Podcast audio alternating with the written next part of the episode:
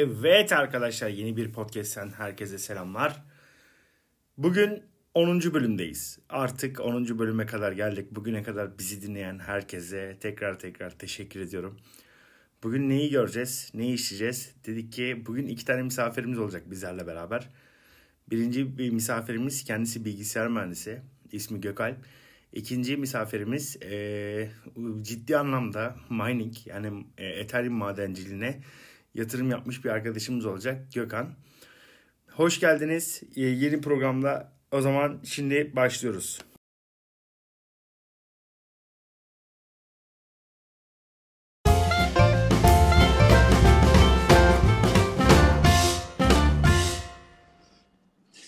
Ee, Gökalp, Gökhan tekrar merhaba. Merhabalar. Merhabalar. Gökhan, Gökalp'cim önce senden başlayalım. Ee, Gökalp sen kimsin, ne iş yaparsın? Ee, kendinden bize biraz bahseder misin?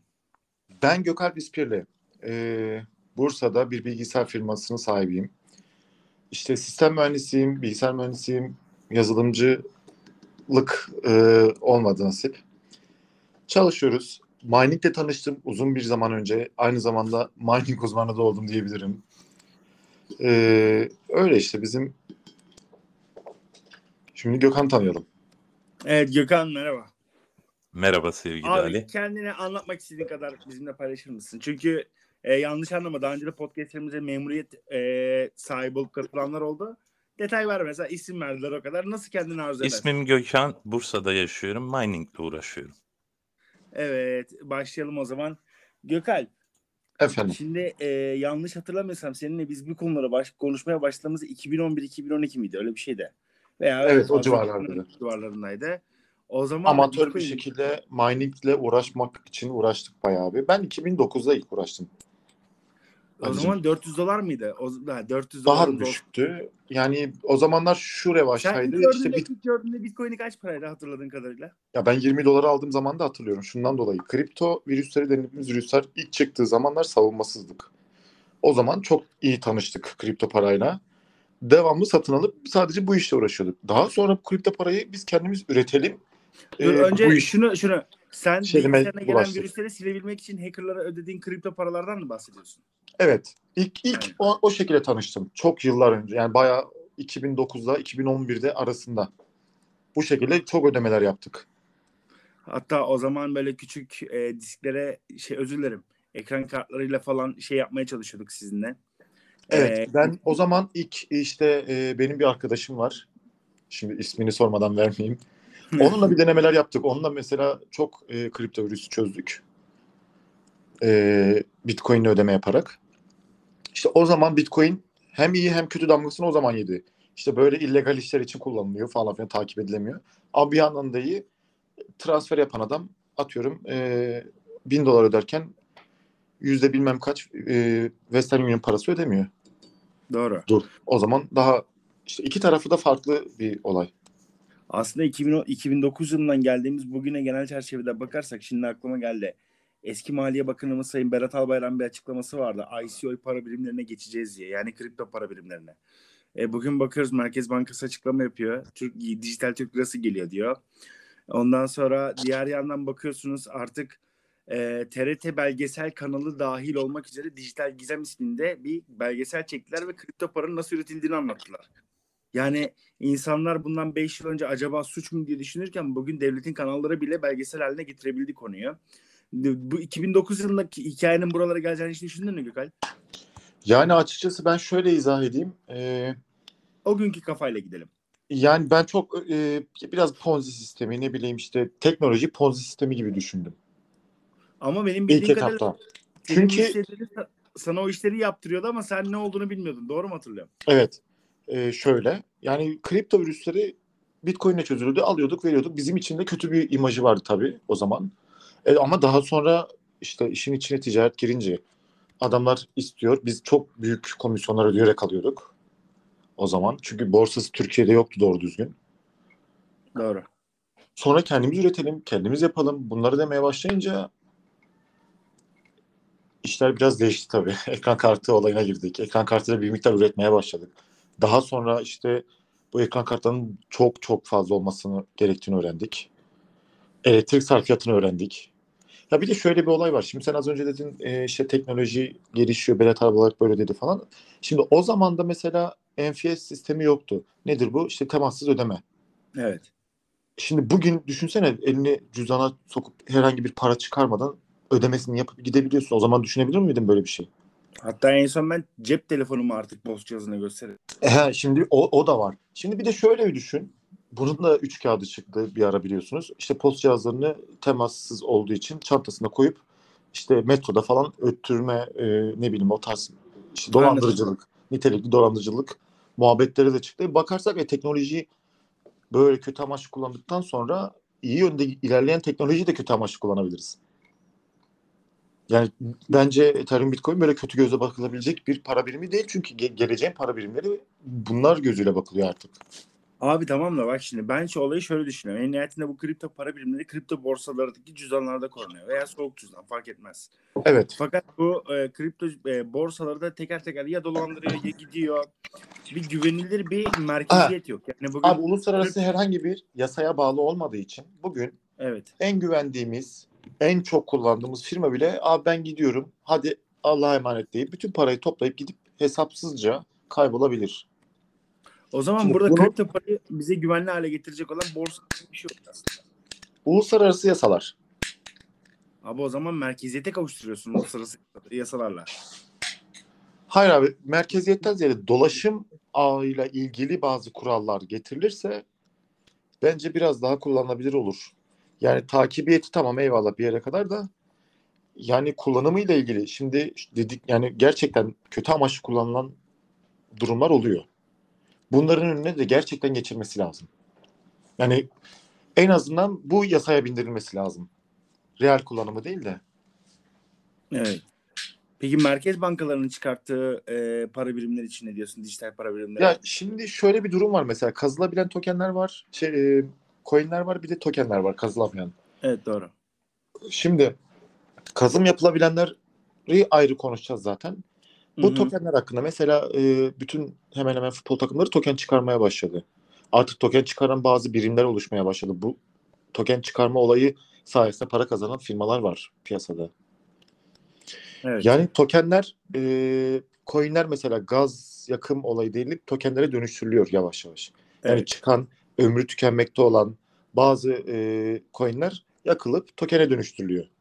evet. Bazıları mesela bazı tokenler tamamen altyapı ağ çalışması, ARGE çalışması için para transferi daha rahat, kolay. Teknolojik ve elektronik nasıl olur? Mesela bir para gönderiyorsunuz. Bunun kaydı kuydu bir şekilde var ama yok olması mümkün değil. Çözülmesi de mümkün değil. Yani Anlıyorum. bu paranın transfer bilgisi ağda mevcut. Yok olamaz, değiştirilemez, çalınamaz. Yani Peki çok bir, bir teknoloji. için bu, bu kadar datanın tutulduğu yer neresi? Her yer. Değil mi? Ya aslında Mesh- burada meshleme cüzdan olan herkes bu işin ortağı. Hayır abi. e, şimdi o konuyu konuşacağız birazdan. Yani bu network ağında işte bütün e, üretim yapan cihazların hafızasında veriler tutuluyor. Güzelliği şu cihaz kapanıp açıldığında veriler sıfırlanıyor ve tekrar ona başka farklı ID'li işte başka farklı e, referanslı bilgiler yükleniyor. Onları tutuyor. De, bilgi devamlı yer değiştiriyor. Düzenli ve stabil bir şekilde. Evet doğru. Peki geleceği için ne düşünüyorsun Gökalp? Yani gelecek bunun üzerine yürümeye çalışıyor zaten. Şu Evet. anda e, benim düşüncelerimden biri ütopiktir.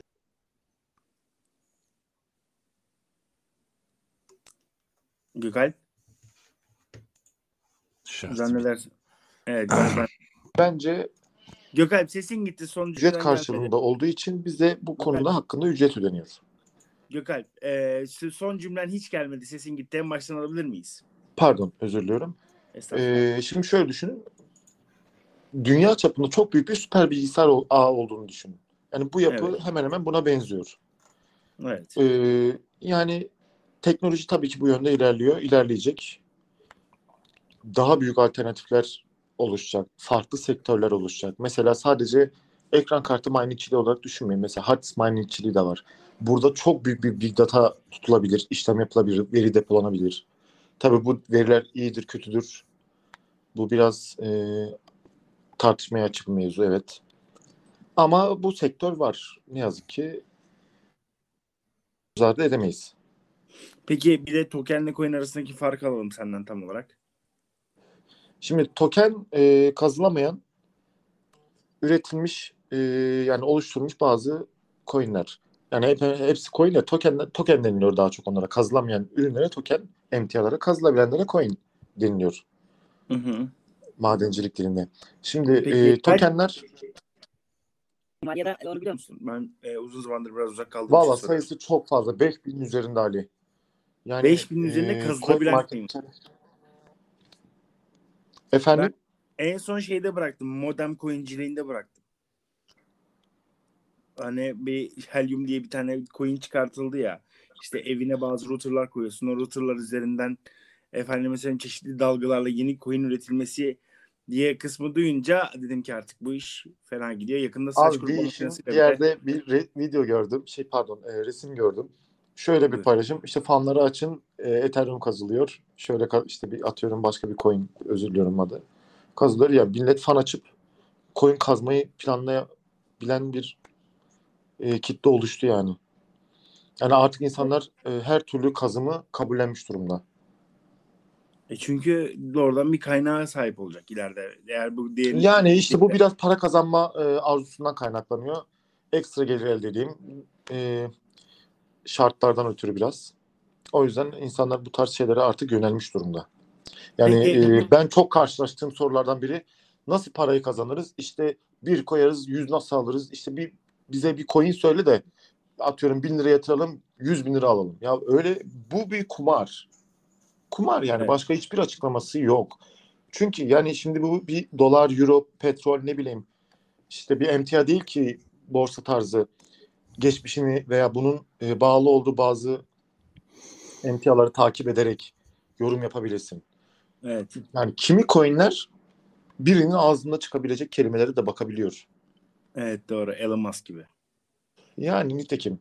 Ha ama arkada dönen rakamlar gerçekten ciddi rakamlar. Çok ciddi rakamlar. Yani bir işlem hacmi, günlük işlem hacmi e, araştırırsan çok ciddi yani milyar dolarları aşık bir rakam yani. Böyle bir sirkülasyonu bir kere de durdurmak da zaten mümkün değil. Kademeli durdurmak da artık mümkün değil. Yani bir hıza erişmiş ve ciddi bir hıza erişmiş olan. Ya şu an yanlış bilmiyorsam dünya üzerindeki nakit para akışının %10'una falan tekabül ediyor sanal para akışı. Doğru. Doğru. Doğru. Çok ciddi bir rakam Ali. Yani Doğru. bu şu demek oluyor. Dünya üzerine her- her 10 kişiden biri sanal para kullanıyor. Yani Bildiğimiz e, klasik parayı kullanmıyor. Ya abi bir şey söyleyeyim mi? Bak ben- Zaten onda biri de kredi kartı ve o tarz sanal kartlar kullanıyor. Onda biri ne bileyim ön ödemeli prepaid kartlar kullanıyor. Nakit kullanımı zaten bitiyor. Devir değişiyor. Hayır şunu anlatacağım çok kısa. Hindistan'dan bir yazılım paketi aldık hatırlarsan. Evet. Yani hatta o gün bende şey yoktu. Bir para birimi yoktu. Sende var var demiştin de Hindistan'dan Abi aynen. Aynen. Bu şekilde düşün. Düşün ki kıtalar arası bir alışveriş yapacaksın. Ödeme yapman lazım. Ve çok bilgili bir insan değilsin bu konuda. Evet. Yani e, kripto para bu konuda çok büyük fayda sağlayabiliyor. Çok basit yöntemlerle ödeme yapabiliyorsun. Ama Gerçekten. tamam handikapları da. Mesela örnek veriyorum ben senden e, bilgisayar satın alacağım. Dedim ki Bitcoin ödeme yapacağım. Şimdi mesela sallıyorum rakamı. Biz seninle 10.000 TL'ye anlaştık. 10.000 TL karşısındaki Bitcoin rakamı da belli. E şimdi bu Bitcoin'in transfer aşaması bir kuyruğa bağlı. E, kuyrukta o be- 15 dakika beklerken bile ciddi anlamda manipülasyonlardan Bitcoin'in değeri değişebilir. Gerçekten sence bu bakış açısıyla gidersek kripto para tam böyle bir alışveriş için kullanılacak meta mıdır? Değil. İşte bu yüzden ülkelerin çoğu e, kendi iç ticaretlerinde bunu yasakladı bu sebeplerden ötürü. Manipülasyonu çok ciddi seviyede açık olduğu için ya düşünsene şimdi dolar swapları var Doğru. bankalar arası. Borçlanma, kreditasyon falan. Evet. Yani bunlar işte atıyorum günlük olabiliyor. 48 saatlik, 72 gün, saatlik falan. Yani e, bugün mesela güzel bir düşüş yaşıyor. Daha önce de yaşadı. Yani bu göze alınabilecek bir risk değil. Şimdi bankanın almadığı riski ben niye alayım Doğru. der çoğu ülke. Hı hı. Yani Der. ülkenin finansının direkleridir diye düşünüyorum bankalar. Banka böyle bir risk almıyorsa ülke neden alsın? işte burada uluslararası bir dayanan üzerine oturtulmuş, temelden üzerine oturtulmuş bir borsa bence daha mantıklı olur. Ama işte bunu bilemem nasıl olur. Bildiğim bir alan değil. Zaten zaten işin içinden burada çıkılamıyor. Örnek veriyorum. Dijital Türk lirası çıkartacağız diyor mesela Türkiye. Aslında onun kendi basabileceği banknot bedeli değeri bile belliyken dijitale nasıl taşıyacak ben de onu merak ediyorum. Aynı şekil mesela Tether'i kullanıyoruz biz. Doların eee, şeyi diyoruz. Karşılığı diyoruz ama diğer yandan eee, Amerika Merkez Bankası bu benim değil diyor. Tamamen sanal anlamda oluşturulmuş bir para birimi. Ne kadar güvenlik kısmında kalıyoruz bazen. Ali'cim.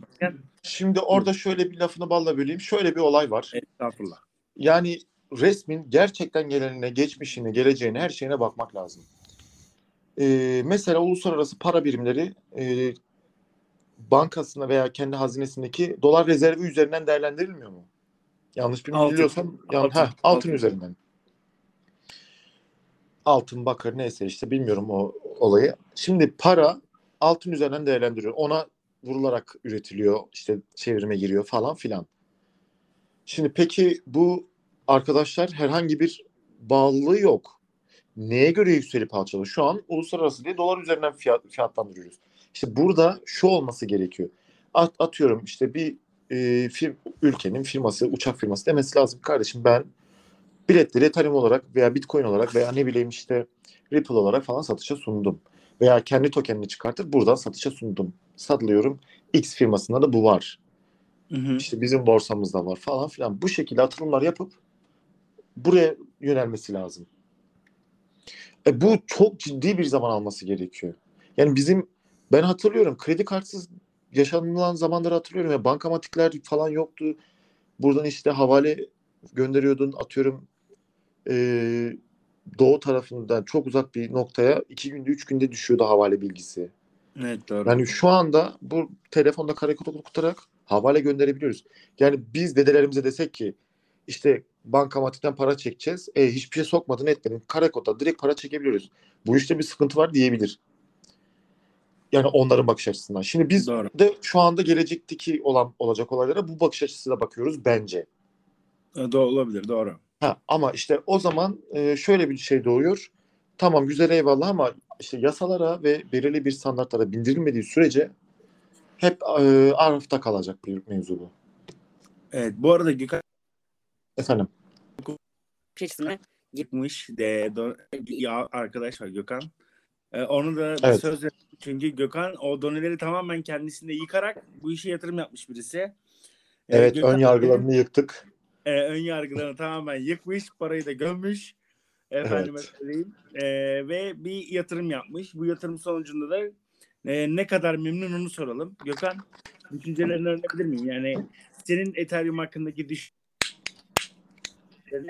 Efendim söyleyeyim, e, gerçekten Ethereum'un sağlam kalacağına inanamıyorsun veya kripto paranın e, devamlılığını ne düşünüyorsun bir öğrenebilir miyim? Tabii ki sevgili Ali merhaba öncelikle sana ve Merhaba. sevgili Gökalp'e. Tabii Gökalp e, yakın dostumuz, arkadaşımız olduğu için ister istemez onun bu konuyla ilgili bilgilerinin e, yüzde birini bile e, bilemeyiz yani. O kadar e, o kadar e, bilgili değilim bu konuda. Ama e, bu konuyla ilgili tabii ki ister istemez elimizin altında bir dünya var. internet dünyası var. E, bu kripto para olayları olsun, işte e, madencilik olsun, mining olsun bunlarla ilgili tabii ki araştırmalar yapıyorduk. Keza Gökalp'in e, konu başında söylediği 2011-2012 olsun ben o sıralar Irak'taydım tabii ama e, 2015 yılında döndüm. E, Gökalp'in o sıralar e, gidip geldiğimizde yaptığını bildiğimiz için e, aklımız ermiyordu açık net söyleyeyim.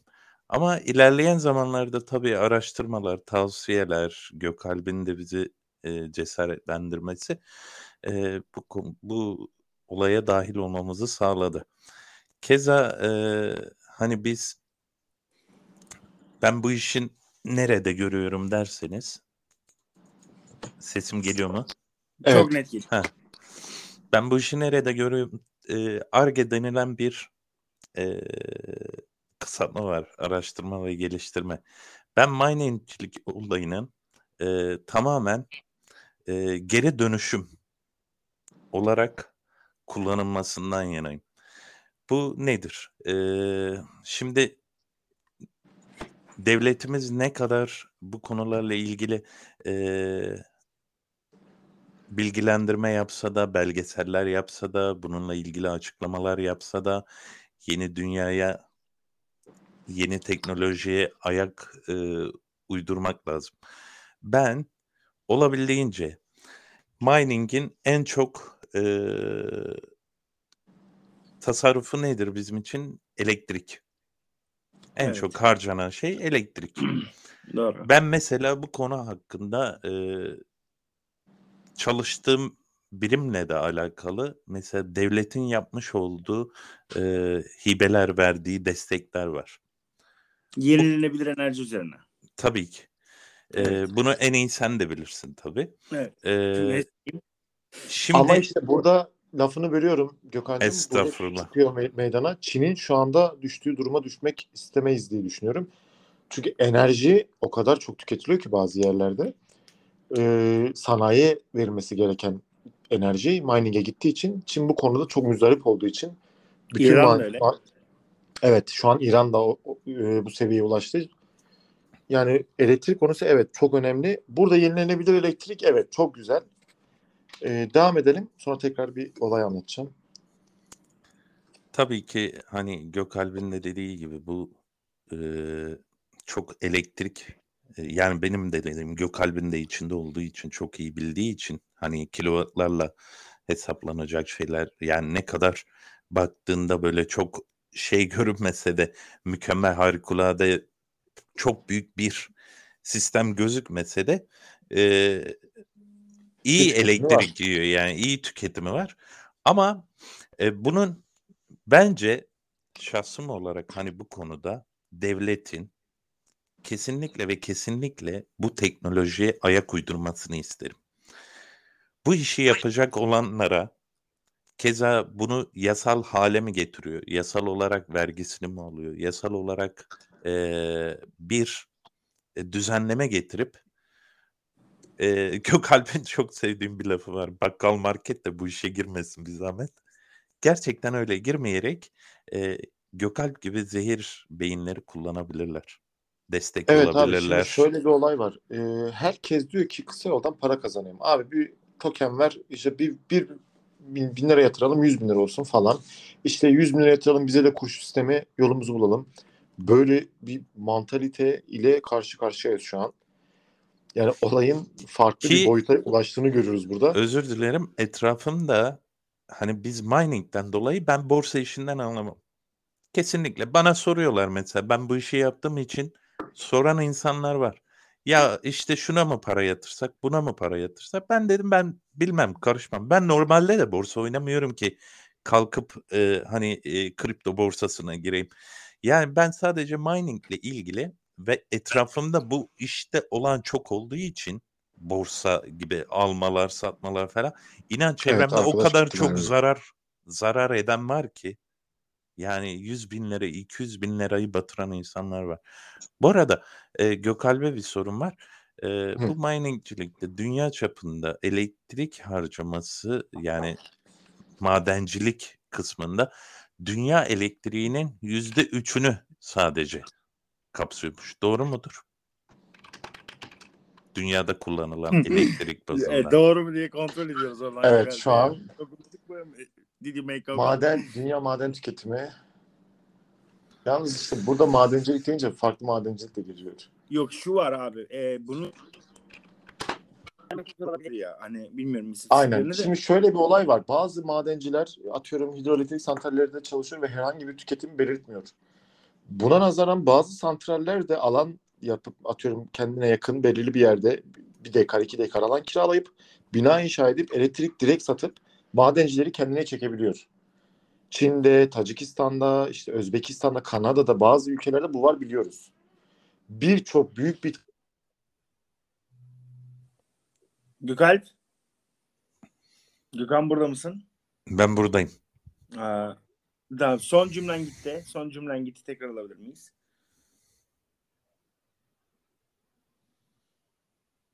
Evet arkadaşlar şimdi Gökalp küçük koptu. Alo Gökalp. Ee, sesim gitti galiba. Evet. Evet gitti. şimdi geldi. Şu an Ali beni duyuyor musun? duyuyorum çok net. Gökalp Ali. duyuyorum. Biz, biz seni duyuyoruz şu anda. Biz seni duyuyoruz Gökalp. Kendisi bizi duymuyor galiba. Evet, şu anda kendisi bizi duymuyor. Bir dakika ben kendisine kenardan yazayım. Peki sen be, devletin böyle bir şeyler için hibe vereceğine inanıyor musun Gökhan? Ali. Ha, geliyor mu sesim Gökalp?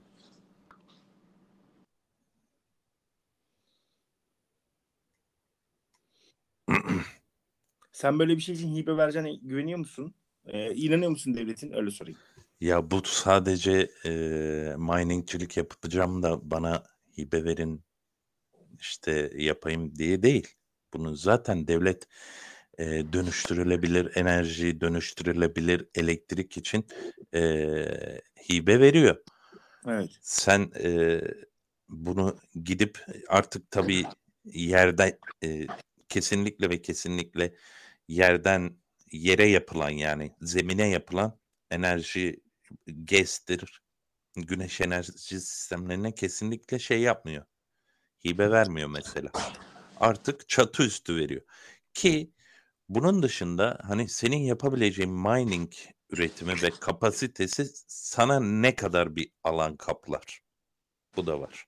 Evet doğru. Şimdi mesela iki dönümlük bir yer aldığın zaman mininglerin senin 500 metrekare ise o kadarlık bir yer kaplıyorsa 1500 metrekareyi de farklı bir işlemler için uygulayabilirsin. Evet evet. Gökalp bu arada duyuyor musun beni? Evet şu an katılabildim aranıza. Şimdi bu Evet. konuda mesela dünya çapında e, 2024'te tahminen 297 terawatt ile zirve yap- yapacakmış enerji tüketimi. Çok ciddi bir rakam yani. Çok büyük bir rakam. 297 terawatt. terawattı, e, önemli bir 297 hesap- bin gigawatt demek bu. Aynı. Peki bir şey söyleyeceğim. Hesap Yani makinesi var mı şu anda? Evet. E, 297 çarpı 8 yapar mısın? 2 milyon işe 2376. Yani 2376 terawattlık bir güneş enerji santrali kurulması gerekiyor ki efendime söyleyeyim bunun şey yapılabilmesi için yani yenilenebilir enerjiyle tamamen üretilebilmesi için yani 1 megawattlık Dünyayı elektrik- kaplasan yetmez bence sanki. Yok yeter yeter de ama 1 megawattlık tesis şu anda ortalama 20 dönüme kuruluyor. E, terawatt diyoruz. Artık kaç bin katı tabii çok büyük bir rakam yani bayağı e, zannedersem bir Türkiye topraklarından fazlasına Bu ihtiyacımız var. 2024 e, şey tahmini. Şimdi Çin bu yüzden bunu öngörerek e, bu büyümeyi e, işte bu yüzden madencileri ülkesinden kovdu. Ne yazık ki. Çok Ama ve lakin kendi yaptığına inanıyoruz hala. Yok ben hala Çin'de elektrik santrali satın alanları duyuyorum ya bu işi. Tabii tabii. Yani Çin santraline yakın olanlar herhangi bir e, zarara ziyana uğramadı. Ya bu konular ne bileyim ya Çin güzel ve büyük bir ülke şimdi. E, bu konu üzerinde ayakta durabilmesi gereken bir ülke.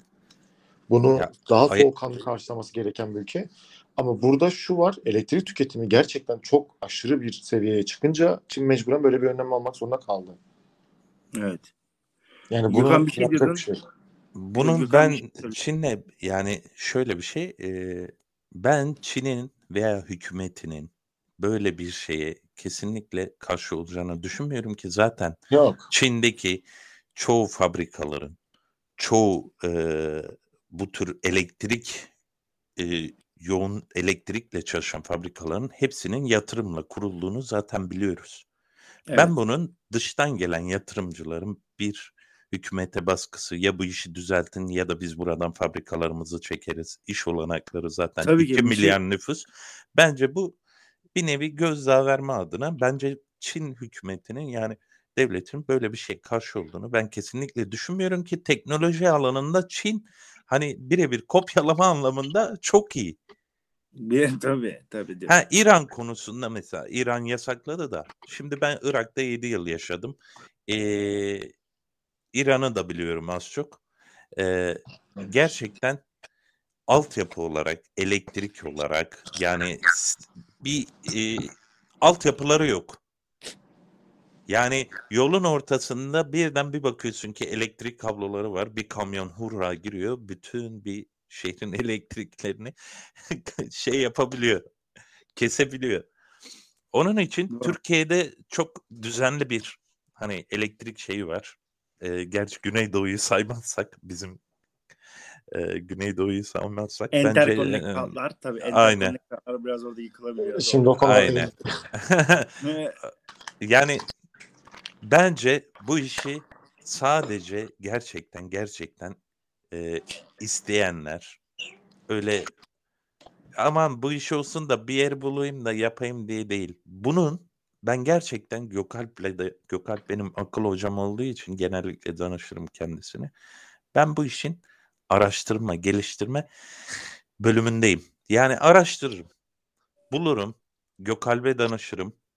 Gökalp zaten şey yaptığı için aklına yatarsa gerekeni söyler, yapmazsa da gerekeni söyler.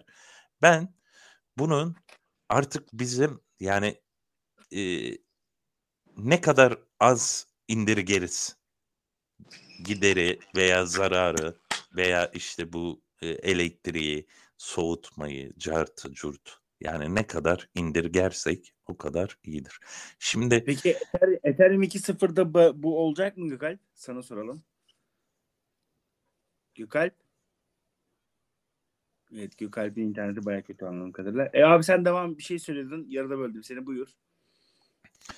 Ki zaten ben mesela çiftçilik, çiftçilikle de uğraştığım için örnek veriyorum bir ineğin etinden de sütünden de affedersiniz gübresinden de her türlü faydalanırsınız. Yani Evet. iliğini kurutursunuz hayvanın yaşadığı Doğru. sürece. Şimdi mining olayı da benim gözümde öyle. Ben ne kadar az elektrik faturası ödersem o kadar iyi. Ne kadar bu elektriği, e, enerjiyi işte çevirip e, devlete satabilirsem o kadar iyi. Ne kadar bu aldığım e, güneş enerji sistemlerine yatırım yaptığım paranın yarısını hibe al- olarak alabilirsem o kadar iyi. E, bu işi yaparken kullandığım bölümde ayrıca farklı e, hangi işleri yapabilirim gibisinden e, yani başka işlere de şey yaparsam o kadar iyi benim gözümde. Yani Evet. olabildiğince böyle geliştirmek, geliştirmek, geliştirmek, farklı farklı üretmek. Peki şu Abi, buyur Gökalp. ben bir şey anlatabilir miyim bu arada? Ha, tabii ki. Şimdi eee, şöyle izah edeyim. Madencilik nasıl yapılır? Bu konulara girecek miyiz? Gireyim mi? Ben son Gökhan'a bir şey soracağım arkasından Tamam. bu konuya gir. Gökhan diyelim ki sen bu sistem için 1000 TL ödedin. 1000 TL'yi verdiğin anda ne hissettin? Ben mi? Evet evet yatırım olarak. Ha Gökhan, Gökalp diye anladım pardon. Gökhan Gökhan evet, evet Ha. Gökhan. 1000 TL diyelim ki varsayıyorum yatırım yaptın. 1000 TL'yi ödediğin gün ne hissettin abi? Yani hissetmekten ziyade sadece eee, o Ethereum olarak döndüğünde çok güzel şeyler hissettim. İyi ki iyi ki vermişim, iyi ki yapmışım, iyi ki bu işe girmişim, iyi ki eee, sağ olsun eee, bu işten ekmek yememizi sağlayan dostlarımız sağ olsun. Eee, özellikle Gökalp tabii ki. Yani ben yatırdığım bir işten eee, inan ki şu ana kadar geri dönüş alamadım ama bunda aldığım için çok mutluyum. Hani eee, gerçekten rahat ama bir o kadar da eee, ya ister istemez yani sınırda da geziyorsun böyle. Gökalp Şey teknik böyle, konularını evet. daha iyi bilir. Şey böyle sabah, sabah uyandığında Ethereum var mı diye uy- uyanıyorsun.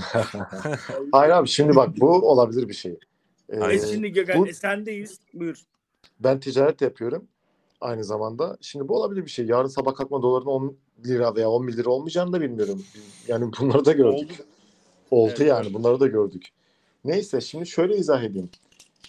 Yani e, buna şöyle de bakmamak da lazım.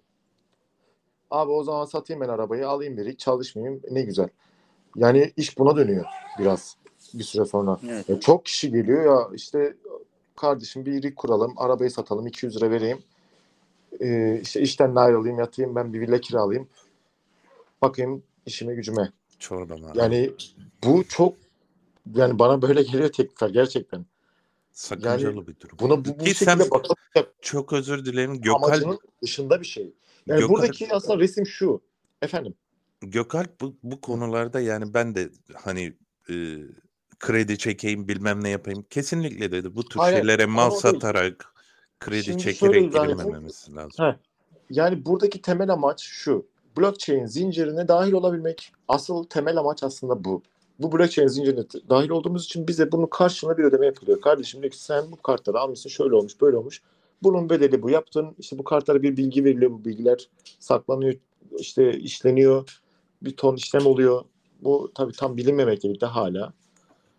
Ee, yani bunun karşılığında para alıyorsun. Bir yatırım yapıyorsun. Ve bunun karşılığında sanal para alıyorsun. Yani işin güzel tarafı Evet. o. Şimdi insanlar şunu diyor. Bana diyor kaç lira kazandır ayda. Abi sen lira kazanmayacaksın zaten burada. Bakış açısı çok yanlış. Sen burada sanal para birimi olan Ethereum, Bitcoin ne bileyim işte altcoin'ler bu tarz paralar kazanacaksın. Yani bunu Peki çevirip mining- kullanırsın o ayrı bir mevzu ama olayın e, bakış yönü biraz farklı bakıyor artık insanlar. Evet doğru. Peki miningcilik nasıl yapılır? Konuya gelelim artık.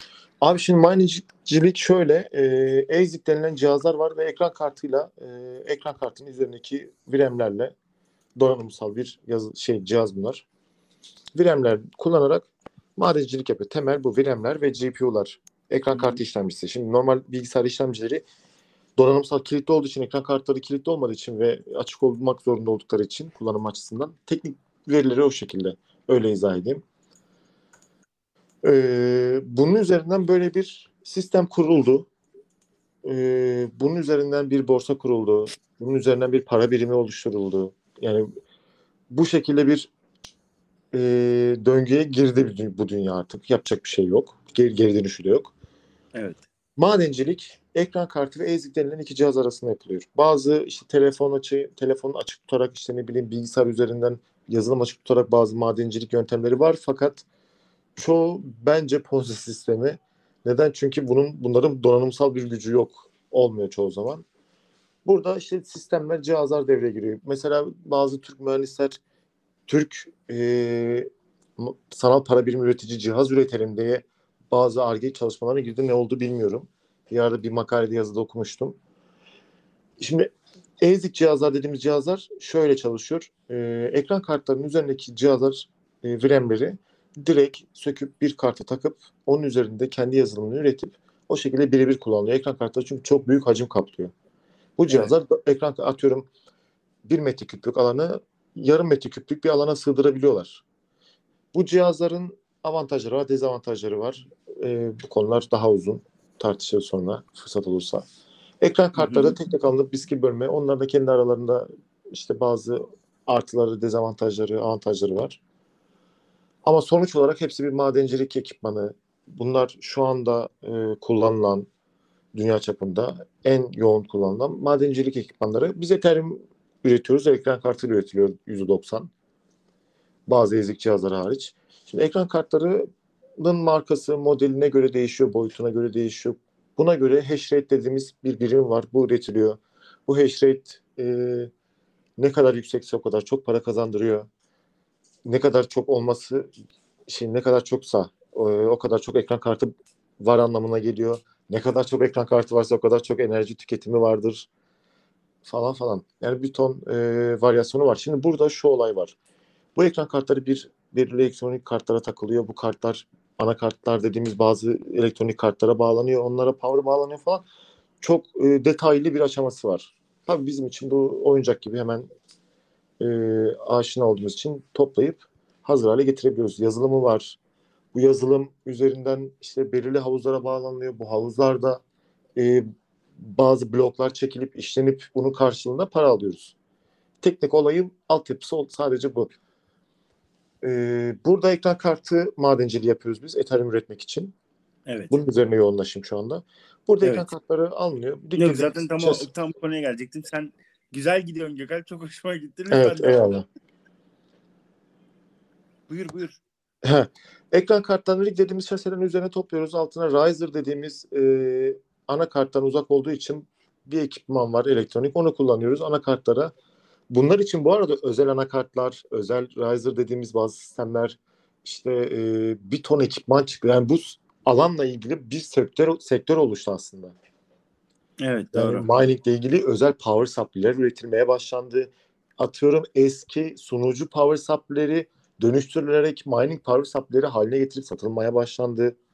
Yani daha ne anlatayım? Bir, bir ton e, ekipman olduğu için sektör oluştu. Bunların tamircileri e, atıyorum işte aranmaya başlandı. Yani bir otomotiv sektörüne örnek verebiliriz yani mining sektörünün şu an. Bu şekilde gelişi. Zamanında düşünsenize ya. Otomobil denilen bir şey üretildi. E buradan buraya gidiyorsun. E, at da gidiyor. Ne gerek var otomobile denilmiştir eminim ki.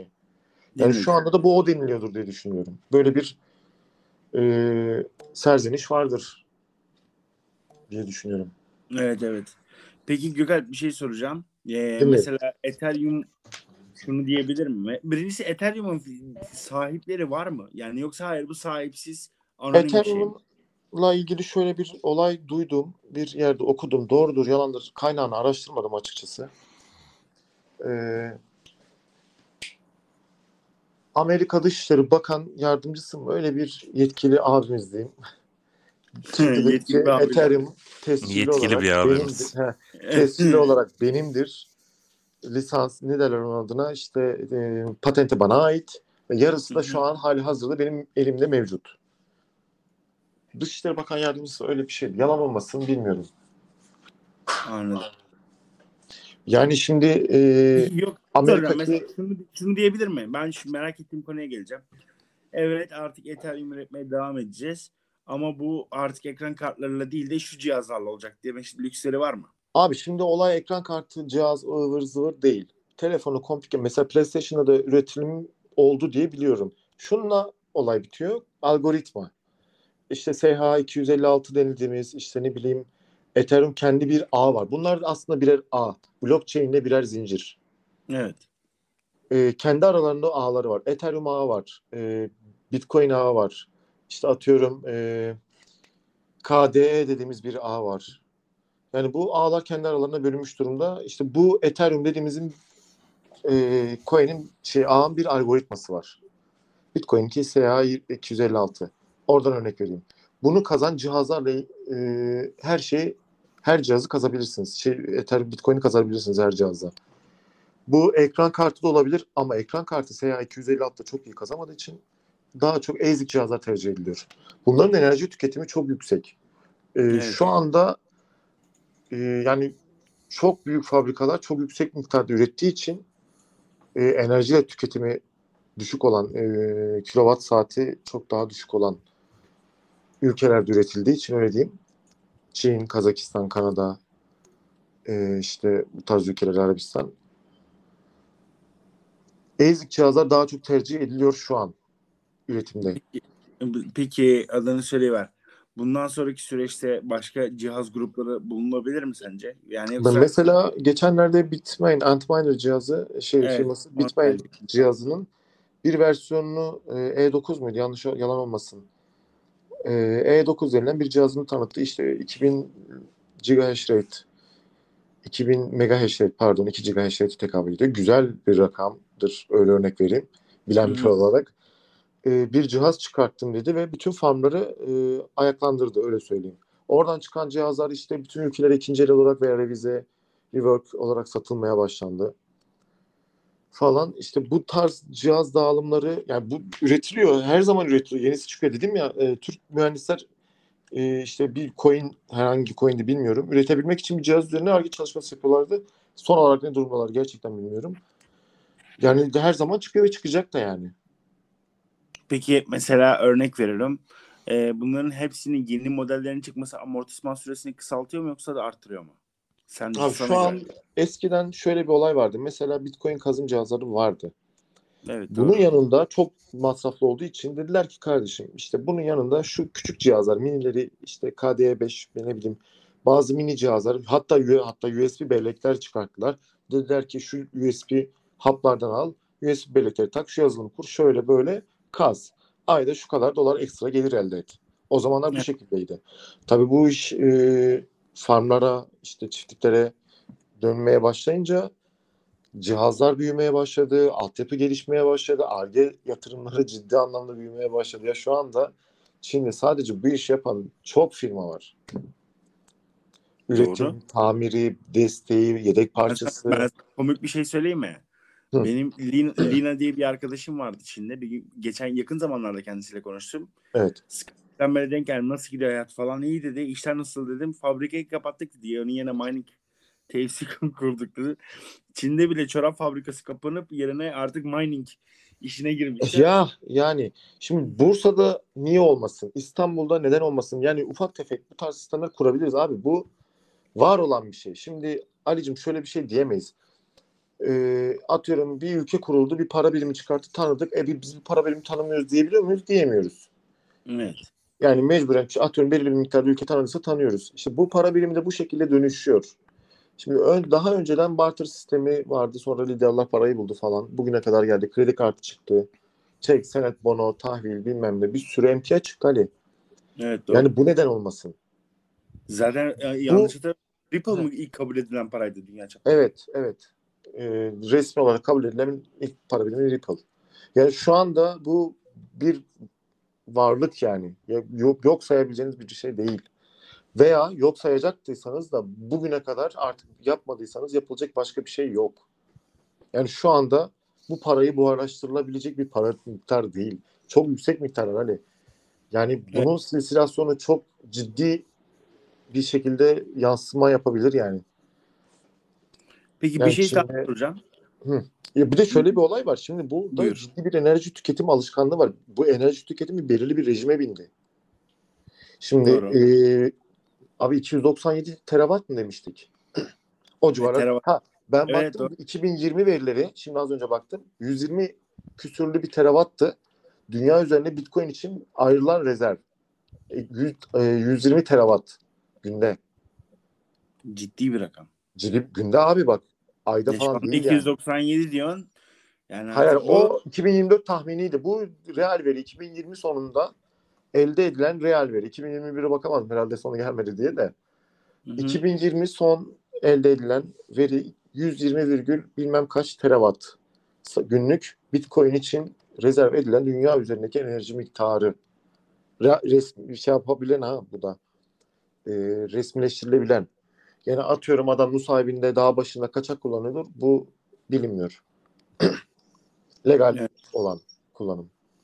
çok çok çok çok ciddi ve büyük. Yani e, şimdi bu rejime binmişsen bunları bir kere de kesersen bu adam bu enerjiyi satamayacak falan. Yani bu tarz dön- dönüşler olmaya başlayacak hani. Bir denge var bu denge bir, bir kere de bozulabilecek bir denge de değil yani. Bu noktaya geldi aslında bu iş. Evet. Peki şunu soracağım. Mesela örnek verelim.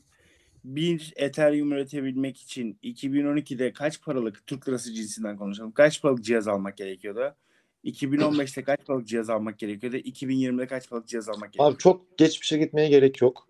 Buyur. Ben son 5 yıllık mining hayatımdan örnek vereyim. 5 yıl önce aldığım Evet. kartlar 30 ay amorti edecek diye aldım. Evet. Ettiler. 40-45 ay, 48 aydan fazla amorti ettiler. Sonra yerine yenilerini aldım. Eskileri hala kullanılıyor bu arada. 4 GB işte bazı kartlar hala çalışıyor. Çoğu kart diyeyim bazı demeyeyim de. Farklı coinler kazıyor. Yani bitmiyor. Çoğu kişi şunu soruyor. Ben aldım bu kartların ne kadar ömrü var? Ne zaman bitecek?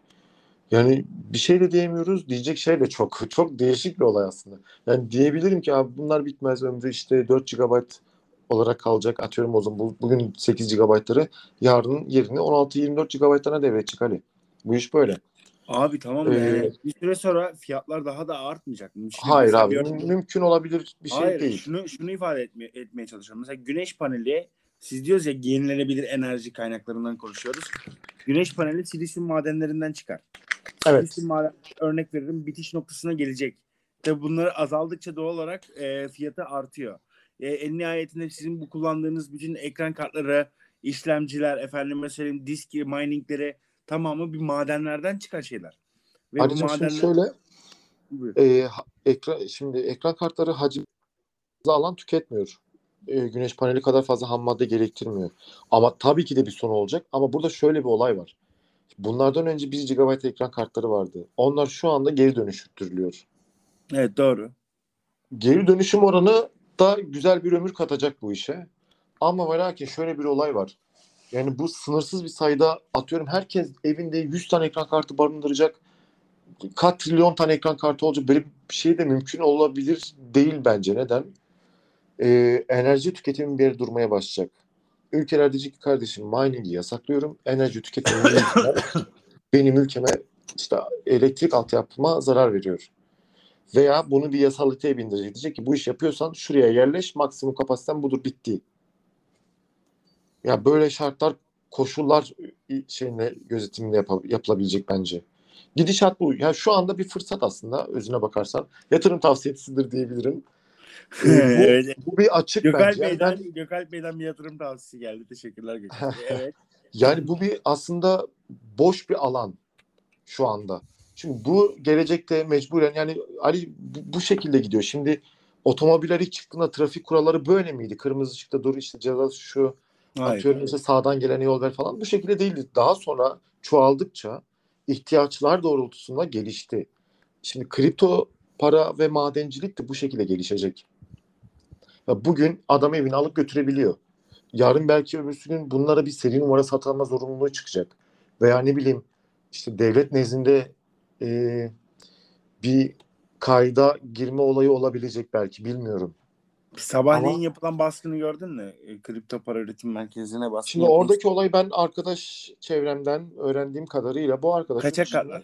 kaçak getiriliyor e, bir ortakla. Bu ortak arkadaş para konusunda araları bozulduğu için yani burada işte anlatmak istediğim bu. Gökhan Bey insanoğlu aç gözlüyüz. Evet. Aç gözlüyüz gerçekten aç gözlüyüz. Adam tekrar söylüyorum diyor ki işte bana öyle bir token ver ki bir koyayım bin alayım. Bana öyle bir sistem kur ki işte evi barkı satayım dalağımı böbreğimi satayım çok özür dileyerek. Ya bunu cümleleri kuran var ve bunlar ciddi insanlar yani. işte sadece bakkal berber değil. Yani adam fabrika işte işi Hayır yok. o yetmiyormuş gibi bir de kaçak elektrikle bu işi yapıyorlar. Abi O ben yakalanan insan bu değil mi? evet. Ya bak benim Yakalanan. medya müşterim var. Evet evet benim medya müşterim var. Bazen gidiyorum. Günlük işim oluyor. Bir bakıyorum abi Diyarbakır'da Nusaybin'de trafo patlamış.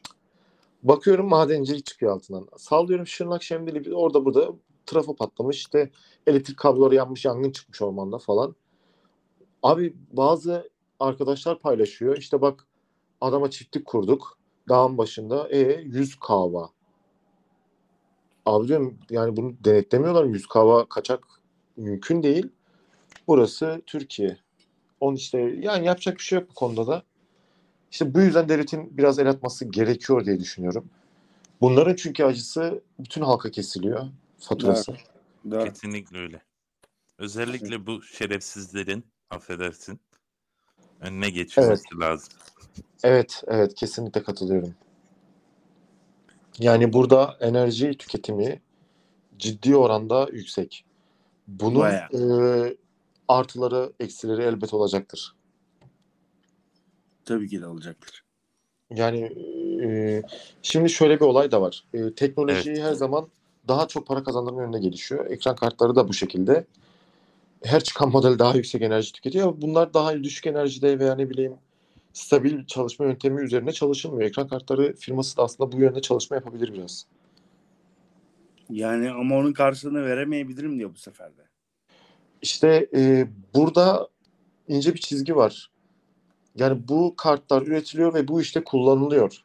Şimdi ekran kartları firmasının çoğu e, ihracat böyle birimiyle veya ne bileyim işte satış temsilcileriyle görüştüm. Çoğu diyor ki biz müzdaribiz. Ekran kartlarını mining satmaktan çok arıza ve geri dönüşler oluyor. Bu yüzden ekran kartları 6 aya düştü garanti süresi. Yani ben bir oyun bilgisayarı toplayıp satsam ee, ekran kartı bütün parçalar 2 yıl 3 yıl ortalama ekran kartı 6 yıl garantili. Veya 2 yıl garantili distribütör garanti verip de daha yüksek fiyatlara satılıyor distribütörlerde. Şu anda yani böyle bir sorun da var. Şu an yani okul hediyesi olarak alınan bilgisayarların ekran kartları yok. Evet. Veya laptoplara ekran kartı takılamıyor. Çip krizi dediğimiz olay evet gerçekten var ve e, şu anda ekran kartlarını vurmuş durumda. İşte onu az önce biraz önce ifade etmek istedim. Yani Ham madde eksikliği değil. Evet, Bu tabii. tamamen talepten kaynaklı ama. Tamam ama Yani- bu, bu kadar artacak artacak bir, bir süre sonra ham maddeye de vurabilir bu konu.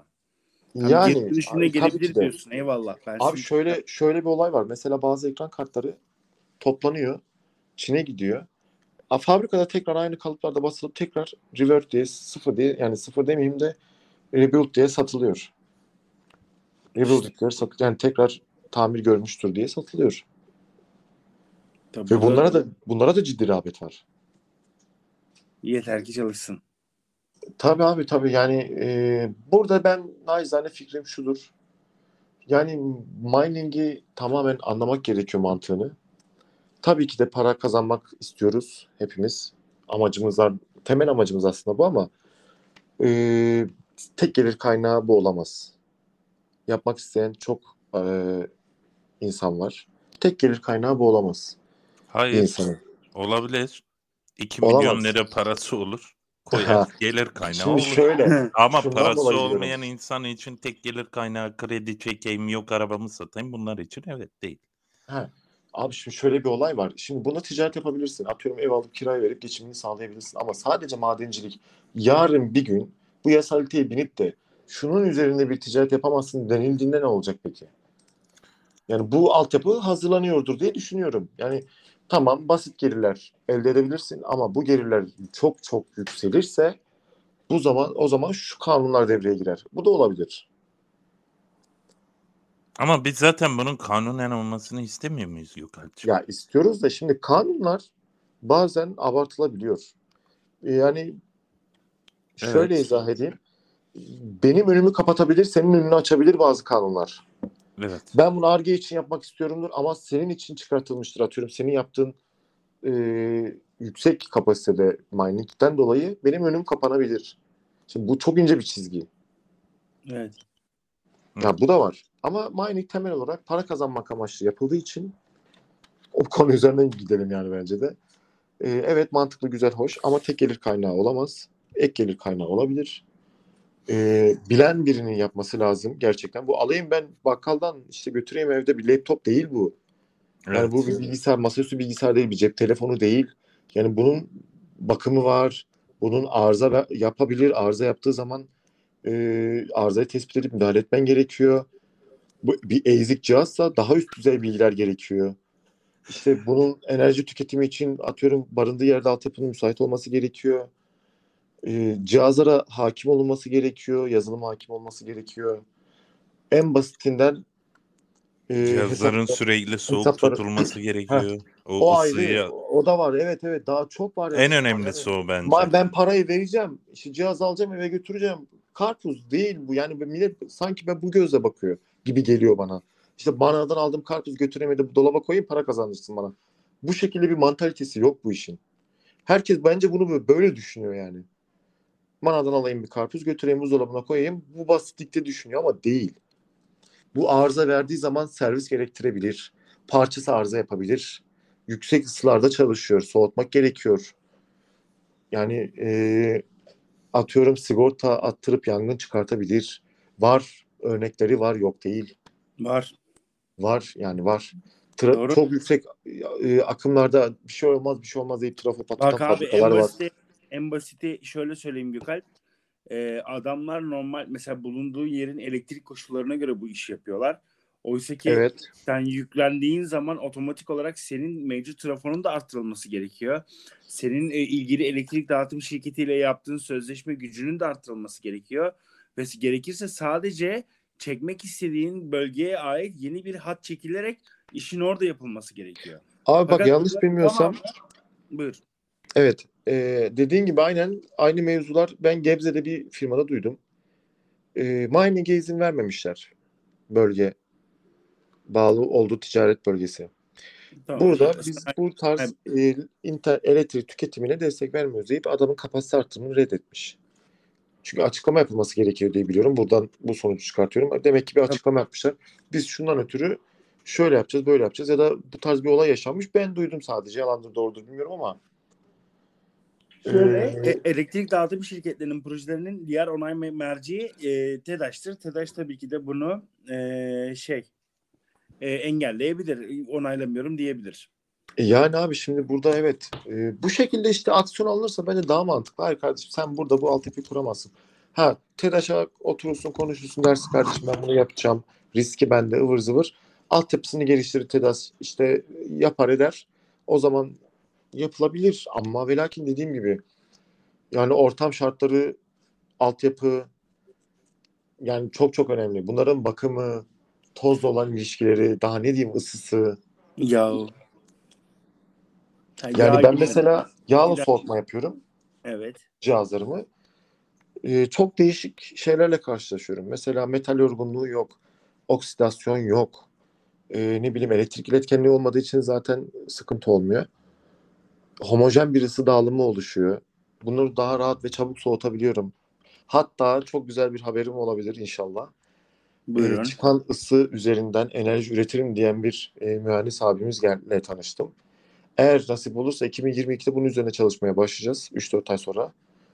Ee, Yani şey, mevcut şu anda yani kartlardaki ısıyı arkasından alıp ayrı bir e, cihaza alternatif- tu- ya, aynen e, bir türbine bağlayıp ya o türbinden geçirip onun üzerindeki ısı bir basınç ya o mühendisin anlattıklarını şimdi tam hatırlayamıyorum ama mantıklı geldi çok. %30 %40 geri bir dönüş yapabilirim dedi diye hatırlıyorum. Ben de şu anda kafamdaki hesap en fazla 115 gibi olur herhalde demiştim. Yok %30 Peki o %40 başka- hatırlıyorum. Anladım. O demek ki başka bir yöntemle gidecek diye tahmin Aynen. ediyorum. Tabii %30 %40 az bir rakam değil. Yani şimdi e, cihazın kendi bedeliyle kazanç elde edilecek elektrik miktarına bakılırsa bence mantıklı. Bir de sadece bu amaç değil, enerji tüketimini de azaltacaksınız. Otomatikman Evet, işte küresel ısınmaya bile katkımız olmayacak bir miktar, %30 azalacak. Çünkü şu anda her ne kadar üzülsem de mecburen yaptığım için bu işi küresel ısınmaya da bir miktar destek veriyorum yani ne yazık ki. Peki bir şey söyleyeceğim. Az önce kaldı. Bir Ethereum üretebilmek için şu anda kaç ayda amorti ediyor? Ve rakam verebilir misin ya özel değilse? Yok vermek Ya istemiyorum. şu anda ben şöyle 21 örnek vereyim. şöyle, Ee, 21 bakın, Eylül itibariyle bir Ethereum üretebilmek için ne kadarlık yatırım yapmak gerekiyor? Şöyle izah edeyim. Ee, Ethereum üzerinden değil de fiyat üzerinden gitsem daha mantıklı olur. Çünkü Ethereum'u hesaplamam gerekiyor şu an. Bir Tamam, Ethereum nasıl- üretmek nasıl için ne kadarlık cihaz gerekiyor, ne kadar ayda amorti eder falan. Yani e, şu anda e, ortalama bir rig 1660 süper dediğimiz ekran kartı 8 adet 80 bin, 75 bin, 70 bin civarında satılıyor. TL. Yüksek bir rakam mı? Evet. Ama ne yazık ki rağbet görüyor. Ee, satılıyor. Ee, etmesi gereken aslında 60-65 bin. Ama e, işte e, insanlar şu göze bakıyor. Aman diyor üçüne beşine bakmayın. Bir ay fazla çalışsın. A- aradaki farkı kapatır. 65 bin, 60 bin civarında benim nazarımda ama 75 bin, 80 bin, 85 bin, 90 bin civarına gidiyor. Evet. Peki bu işe girmek isteyenler için buyur. He, özür diliyorum lafını böldüm. Ya bu işe girmek isteyenler için tavsiyen nedir? Bir tavsiyen var mı? Yani hesaplarını, kitaplarını doğru yapmaları, bu işi gerçekten yapıp yapabil- yap- yapabilecek bilgiye sahip olup olmadıkları çok önemli. Yani bunu bir atıyorum e, bilgisayar formatlayabilecek seviyede olan birinin yapması gerekiyor en basitinden. Evet, Çünkü doğru. işte bazı yazılımların bazı e, çevre birimlerine atılması gerekiyor. Ondan sonra bazı parçaların sökülüp yerine yenilerin takılabildiği olması gerekiyor. Yani razi dediğimiz cihazlar devamlı arıza yapabilen cihazlar. Bunların iki yedeklerini bulundururuz biz madenciler. Yani e, bunları devamlı değiştirmek Biraz- gerekiyor. Peki so- so- şey son olarak sana Sormadan önce bir şey söyleyebilir miyim evet Ali? Sormadan önce bir şey söyleyebilir miyim? söyleyebilirsin buyur. E, Şimdi sen az önce sorduğun soruyu yanıtlayayım. Mesela ben şöyle izah edeyim. 80 bin liralık bir yatırım diyeyim ortalama. 250 MH hız veriyor. Ayda Evet. ortalama 3300 TL para getiriyor. Görünüyor şu an. Bugünkü rakamlarla. Ee, internet hesaplama siteleri var. Tamam İsim ben ama soruyu şöyle sordum sana. Bir Ethereum kazanabilmek için ne kadarlık yatırım gerekiyor? Ayda. Bir saniye hemen bakıyorum. Sonuç itibariyle bir Ethereum'un üretilecek olan hashtag belli. Ortalama 800 bin TL'lik yatırım gerekiyor. Kaç? 800 bin TL. 800 ya bak. Evet. Evet, Ayda arkadaşlar. bir Ethereum üretebilmek için. Bir Ethereum'dan biraz fazla. 750 bin falan diyeyim. Abi ne diyorsun ya? Hani ben şu an yayından kopmuş bulunuyorum arkadaşlar. 750-800 bin TL bir ete. Oo rakama bak. Ee, Oh my 2000 God. şimdi şöyle izah edeyim. 2500 MH ayda 35 bin getiriyor. 2500 MH ortalama yet- 750 bin, 700 bin, 800 bin. Aldığın cihazlara göre değişiyor. Şimdi sayı yükseldiği için fiyat düşecektir. Tabii yok olsun 500 bin olsun abi yine Yani. deli rakam ya. Evet. 500 bine falan düşebilir. İşte 500 binden yola çıkarak İşte bunun amortisman- kurulumu, soğutma cihazları, ekipmanı, e, elektrik altyapısı falan bunların hepsi bunun içinde. Ha, tamam anladım anladım demek istediğini anladım. Yani e, basit bir örnek vermek gerekirse e, yeni bir kurulum yaptık ve buna ortalama 70 kahvalık bir e, tesisat çekildi ve ciddi rakamlar harcandı bu rakam şey e, bu altyapı hazırlanmasında bile. Evet doğru. Yani belirli bir alanda e, alanda gerektiği için bir depo ne bileyim bir e, bir alan şey gerekiyor yani hırsızlıkla koruması da gerekiyor aslında. Me- merak ettim. Sen bir Ethereum ne kadar sürede üretilecek şekilde hesapladın? Bir ay. Tam bir ayda bir Ethereum üretilebilecek olan sistem yaklaşık hadi indirim oldu diyelim 500 yani 600 700 ciddi rakamlar bunlar tabi. E, şu anda bir Bu Ethereum kaç? dediklerim tabii şöyle. e, şimdi Türkiye'de kaçak ekran kartları olduğu için faturasız. Bunlar KDV dahil legal distribütör fiyatları. Biraz pahalıdır. Yani Tamam, daha ucuz biz- sistemler tabii de kurulur. Çünkü daha bugün e, biliyorsun e, kaçak kartlar yakalandı. evet işte ben o yüzden oradan gidiyorum. Yoksa yapmak- ya sa- örnek vermek gerekirse ikinci el sitelerde falan e, daha ucuzlara kurulabilir bu yapılar tabii. Evet evet tahmin edebiliyorum. Yani tabii bu Peki. dediğim işte e, soğutma sistemi, havalandırma sistemi her şey içerisinde bir ek maliyet. Peki e, şey dinleyenlere bu arada bizim dinleyicilerimiz genelde Avrupa ülkelerinden ve Amerika'dan oluyor. Türkiye'de şu anda podcast dinlemeye Herkese selamlar o zaman. Oralara söylemek istediğin bir şey varsa senin dinleyeyim Gökhan'a geçeceğim çünkü. Yani şimdi burada şöyle bir düşüncem var. Ben tamamen kendime özgü bir düşünce bu. Bak bir şey söyleyeceğim. Benim blog sayfam genelde İrlanda'dan okunuyor. Bizzat şahit- İrlandalılara selamlar. Ben İrlandalı İrlanda olsam, İrlanda'da oluyor. çalışıyor olsam, Evet, Türkiye'de yatırım yapacak olsam Hı. e, bu işe girer Türkiye'de yatırım yaparım. Neden? Çünkü Türkiye'de şu an e, dolar ve TL paritesinden ötürü e, kazançlar ciddi anlamda yüksek. Benim yurt dışında çok e, arkadaşım var bu işi yapıyor Türkiye'de benim sayemde. Evet. Gökhan'cığım sana geçelim. Senin var mı demek istediğin bir şey? Ee, Ali şu konuya değinmek istiyorum dediğin. Gayet güzel, keyifli bir sohbet oldu. Ee, başarılarının devamını dinliyorum. Dinleyicilerine de ee, selamlar gönderiyorum. Ben de ikinize de çok ayrı ayrı teşekkür ediyorum. Ben Arkadaşlar bugün. Ethereum, Ethereum madenciliğini konuştuk. Bir sonraki podcast'te görüşmek üzere. iyi akşamlar. İyi akşamlar.